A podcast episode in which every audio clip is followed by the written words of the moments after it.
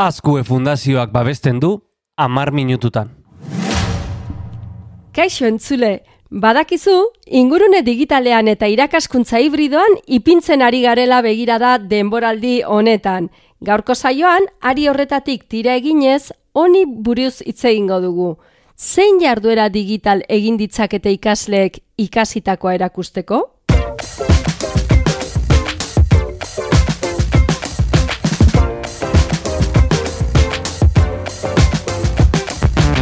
Maite goini naiz eta hau hamar minututan da. Hezkuntza eta teknologia, hau da teknopedagogia lantzen duen podcasta.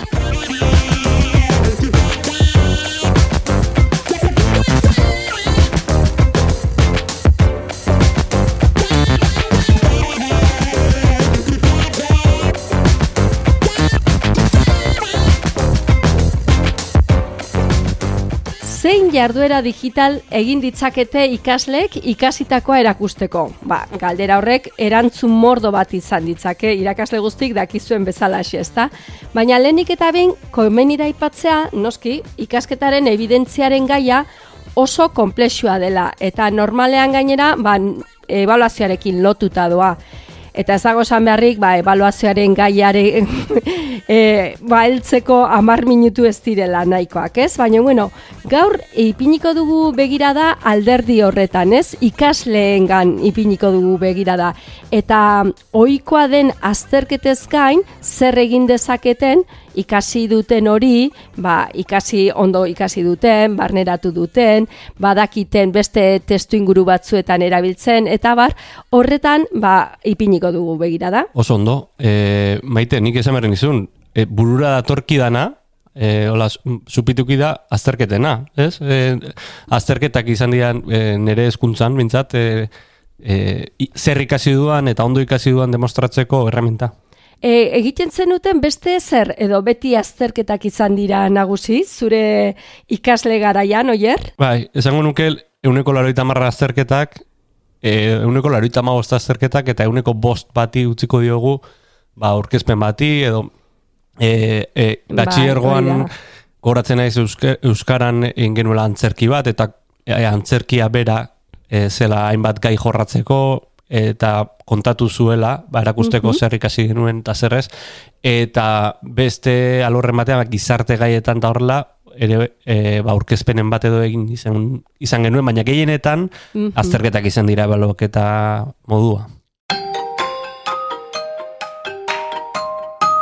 Ba, urte luzetan dakizun bezala eta guantxe esaten ari zaren bezala idatzizko azterketak izan dira irakusteko erakusteko modu bakarra edo, ez? E, zer e, ikaslek zer eskuratu duten, zer barneratu, baina mm, denok dakigu edo gerota kontzienteago gara, ba, maiz azterketek memoria ona eta e, e, erakusten dutela eta ez ulermena kasu askotan, ez? E, galderen baitan, ba, memoria ona duzu edo ez duzu, ez? Ikasi duzu buruz edo ez. Bueno, ikertaliteke azterketek ere balio izatea kasurik onenean, ba, ikasleak bai ulertu duela, badakiela aplikatzen, adibidez formula matematikoren bat, edo edo badakiela analizatzen, ba, adibidez gertakari historiko batzuen ondorioak eta kausak eta abar, edo badakiela ondorioztatzen, ari gara, Bloom taxonomia ezagunaren ba, eskalan gora egiten ez, gaitasun, e, ba, e, pentsamendu gaitasun hori neurtzeko dauden e, dagoen eskala horretan ez. Hori zen berren izunen justu, gauza bat da e, memorizatzeko gaitasuna beste bat ulermena, ez? Uler, ulertu duzun ala ez? Eta beste bat da gaitasuna bera, ez? Gaitasuna esan nahi dut, e, memorizatu gabe, baina gaitasuna izatea, gai bat lantzeko, e, konsultatzeko e, enziklopedia bat, konsultatzeko e, informazio iturriak, eta hortik lan bat egiteko, ez? E, askotan Hori da. ez dena memoriaz ikastea, baina badena erakusten duena gaitasun bat, eta, eta lan horren ondorioz, ba, ulermen bat, ez? Bai, horren, horren oinarrian dago ez dala, bueno, arraina eman behar ez da, baizik erakutsi behar diegu ikaslei arrantzan egitea, ordun edo zein egoeratan daudela eta ez gauza eduki kontzeptual konkretuak jakin ditzaten, baizik jakin nola bilatu eduki hoiek behar dituztenerako, nola analizatu, nola ebaluatu, horrelako mm. kontuak ez, eta Blumen taxonomiarekin jarraituz, ba, baita e, erakusteko modu eder bat da, taxonomiaren goikaldean gaiurrean ipintzea eta ikasleak beraiek bihurtzea sortzaile. Hau da, e, ikasi duten hori erakustea, erakustea bestei, azalpenak ematea, horregatik egiten dira hainbeste azalpenak edo aurkezpenak hezkuntzan gertatzen dana, askotan gaizki planteatzen direla, ez? E, askotan egiten dutena da, lana banatu, bakoitzak bere partea, bere zati hori buruz ikasi, oso ondo galdeta bat egiten balin badiezu ez dakite zer dagoen horren azpian, eta barrez, ba bueno, e, horren inguruan asko dago hitz egiteko, ez da? Baina e, ez daukagun ez denbora gehiegi, zentratuko gara, ba, e, ideia ezberdinak, ba, erakuste maila hori beste nivel batera eramateko, ez? Adibidez, bueno, e, lehenengo eta errazena irakaslearen zat, balin bada agintzea aurkezpen bat egin dezaten, ba, e, aurkezpen horrek e, forma, modu eta itxura askotakoa izan litekena aurkezpen hori, eta izan liteke hitzaldi bat eman araztea, publikoarekin, ez bakarrik aurkezpen bat gelakiden artean, baita e, oso ezagunak diren TED Talk, badakizu zer diren, bai. ez? E, e, itzaldi laburroiek e, askotan youtubera joaten garenean ikusten ditugunak edo zen gairi buruzkoak, ba, horrelakoak errealak direnak eta gero e, eskegitzen balin badira edo gurasoei bialtzen badizkiegu eta bar, ba bueno, esanguratsuagoak izan mm litezke.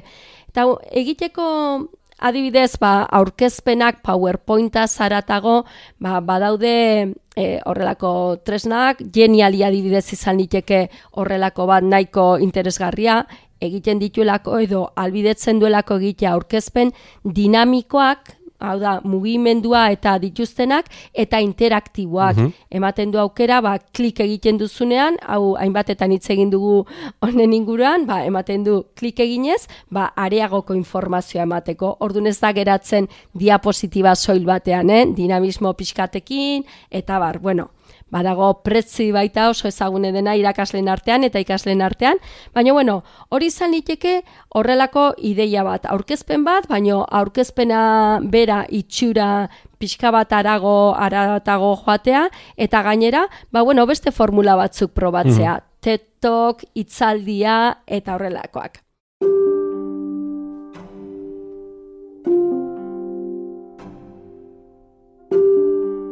Beste bat, liburuska digital bat, askotan galdetzen didate eta zein erraminta daude liburuska digitalak edo liburu digitalak egiteko, ezta? E, adidez ikaslek egin dezakete, ume txikientzat ikasi dutenarekin, izan niteke adibidez klimaren inguruan edo zerbait e, historikoa edo edo horren inguruko edo zen gauza ikasi dutela erakusteko, ba, sor dezakete ipuin digital bat edo liburuska digital bat. Horretarako, ba, izan liteke Adobe Spark tresna oso erraza bai. eta eta bueno, e, irudiak, bideoak, testuarekin ipinditzakete modu erraz batean. Eta e, idea polit bat izan ziteken, ba, beraiek e, sanguratsuagoa izan dadin, ba, ikasle txikientzat edo txikiagokoentzat hori prestatzea edo gurasoentzat eta bar. Aldizkari bat edo eskolako egunkari bat egitea e, e, eskadie zaiek egu, ez da? E, ikasle gai jakin bat ba, mm, planifikatu dezakete, e, oso interesgarri izan liteke adibidez, ba, antolatzeko, gaiaren esparru ezberdinak, idazteko, ilustratzeko, diseinatzeko, Horrelako tresnak badauzkagun, gure eskura doain erabilditzak egunak, ba, adibidez, e, build a newspaper, izan liteke egunkari baten antza dauken tresna bat, e, ekoizpena oso antzekoa gertaliteke, flipboard e, oso erraminta interesgarria baita, gaina hezkuntzarako atal berezi bat dauka, eta gero daude, ba, Lucid Press edo Homak deitzen dan beste bat, ez? Horrelako aldizkari digitalak, e, beraientzat ere, e, ba ez dakit, nik behintzat probatu izan dituanen eta barrikaslekin, ba, asko motibatzen dituzte, ez da, mm. azaltzen dalako agerkari bat publikoa, edo ez dakit, bestek ikusteko modukoa izan litekelako, eta eta oso motibagarria izan liteke gaur egungo ba, testu inguruan testu inguru bizualean eta ari naiz. Eta beste bat horrekin jarraituz e, infografiak izan litezke. Adibidez, gai baten inguruan e, pixka bat eskematizatzeko edo sintetizatzeko eta bestekin kolaborazioan lan egiteko infografia bat sort dezaten eskadi ezaiekegu. Eta horretarako, ba, tresna erres bat, kanba izan liteke, izili, eazeli idatzita, edo pictu chart, lehen aipatu dugun geniali hori ere, eta horiek denek emango digute aukera modu engaina eh, e, txantilloi batzuetatik abiatuta edo zerotik abiatuta ba gure infografia e, datuekin adibidez hau e, interesgarri izan liteke ba ekonomiari buruzko zerbait egiten ari garenean edo inkesta bat egin dugu eta datu horiek ba ustiatu nahi ditugu edo bestelako edo zein gaitarako oso aproposa izan liteke ba sintetizatzeko.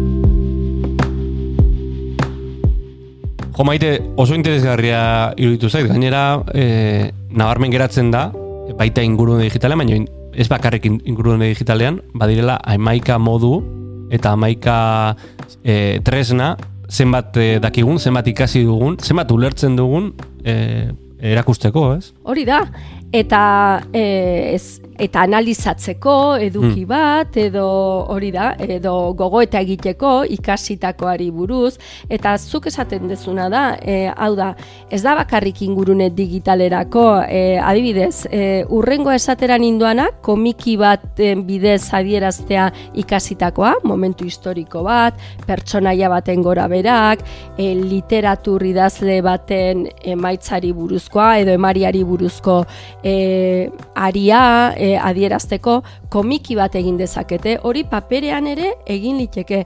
Baina bueno, justu begirada ipintzen ari garenez e, bai pedagogian eta bai teknologian, ba interesgarria iruditzen zait aipatzea horrelakoak, ezta? Ba komiki bat adibidez esan duguna adierazteko e, Pixton e, erraminta erabilditzakegu. Asko ez gehiago daude edo zer gauza egiteko, eh? baina bueno, ez zibiltzeko nora ezean, ba, bat izan liteke hori. Beste bat nire asko gustatzen zaidana da ikaslek zer dakiten erakustea jolasak eginez. Hau da, beraiek e, ez irakasleok e, proposatzea gurutze grama bat egitea edukiarekin, e, ikasitako edukiarekin, edo ez egitea guk geu, baizik ikaslek beraiek sortzea itzapasa bat, edo pasapalabra antzeko mhm. zerbait, edo urkatuaren jokoa, galdera erantzunekin, gurutze grama bat, e, utxuneak betetzekoa, ze beraiek hori sortzeko, lehenik eta behin oso ondo menperatu behar dute edukia. Orduan, bueno, jolasaren inguruan hitz egin dugu, behin baino gehiagotan, beste ikuspuntu batetik, baina orain ikaslei buruz hitz egiten ari garenez, ba beraiek ere edabil dezakete edukaplay adibidez, beste batzuk badaude, baina edukaplayren e, alta eman da, ba, sortu izango dituzte, aipatu ditugun jolas mota horiek guztiak. Gero, e, beste aukera bat izan liteke, ba, talde lanean ari direla edo ari garela, e, olako idea zaparra da bat e, egitea, ba, ezagutza kolektibori jaso alizateko. Ordu hauek gainera e, pandemia garaiotan eta bar, ba, mit bideokonferentzia batean edo jitzin edo big, e, big blue button edo horrelako batean gaudenean, egin dezakeguna da, chat bidez konpartitu mural digital bat, eta mural digitalak sortzeko tresna asko daude eta e, bit, e, denbora errealean gu ikaslekin ari garen hitz egiten edo ari garen bitartean gure pantaila partekatu dezakegu eta ikusi nola ikaslek kolaboratzen ari diran, ikasleak kolaboratzen ari diren, ba, olako e, ideia zaparrada batean, ez? Eta hor jaso ditzakegu, ba, postit moduko horiek horretarako, ba, Padlet erabiz, e, erabildezakegu, mural, miro, E, eta adibidez, ba, bueno, Google ingurunean eta dabizten entzat, Jamboard e, da arbel digital hori, ba, Google ingurunean e, dagoena pixka bat hor e, sartuta.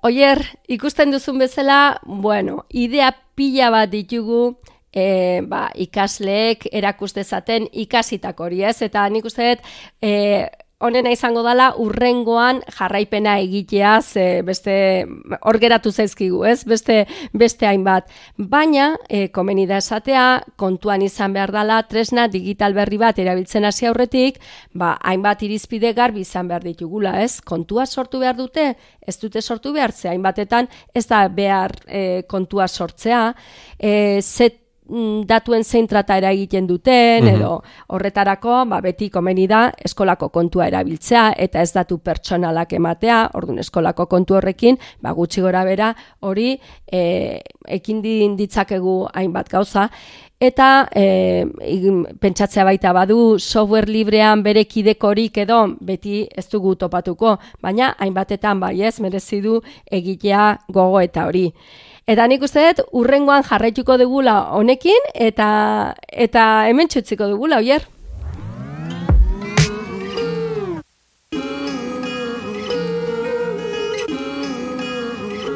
Primeran, maite, e, benetan oso oso interesgarria, eta nik uste, ba, azkenengo kapituloekin, eta, bueno, aurrerantzen egingo ditugunekin, hainbat e, gidalerro edo jarriko ditugula e, ingurune digitalean, e, ezkuntza bide honetik eramateko.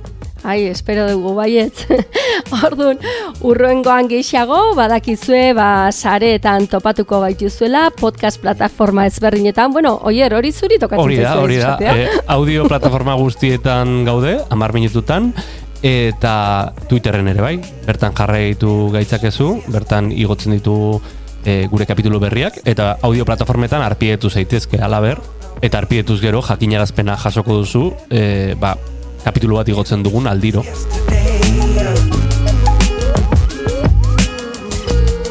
Ederki oier, urren erarte Aio, aio, maite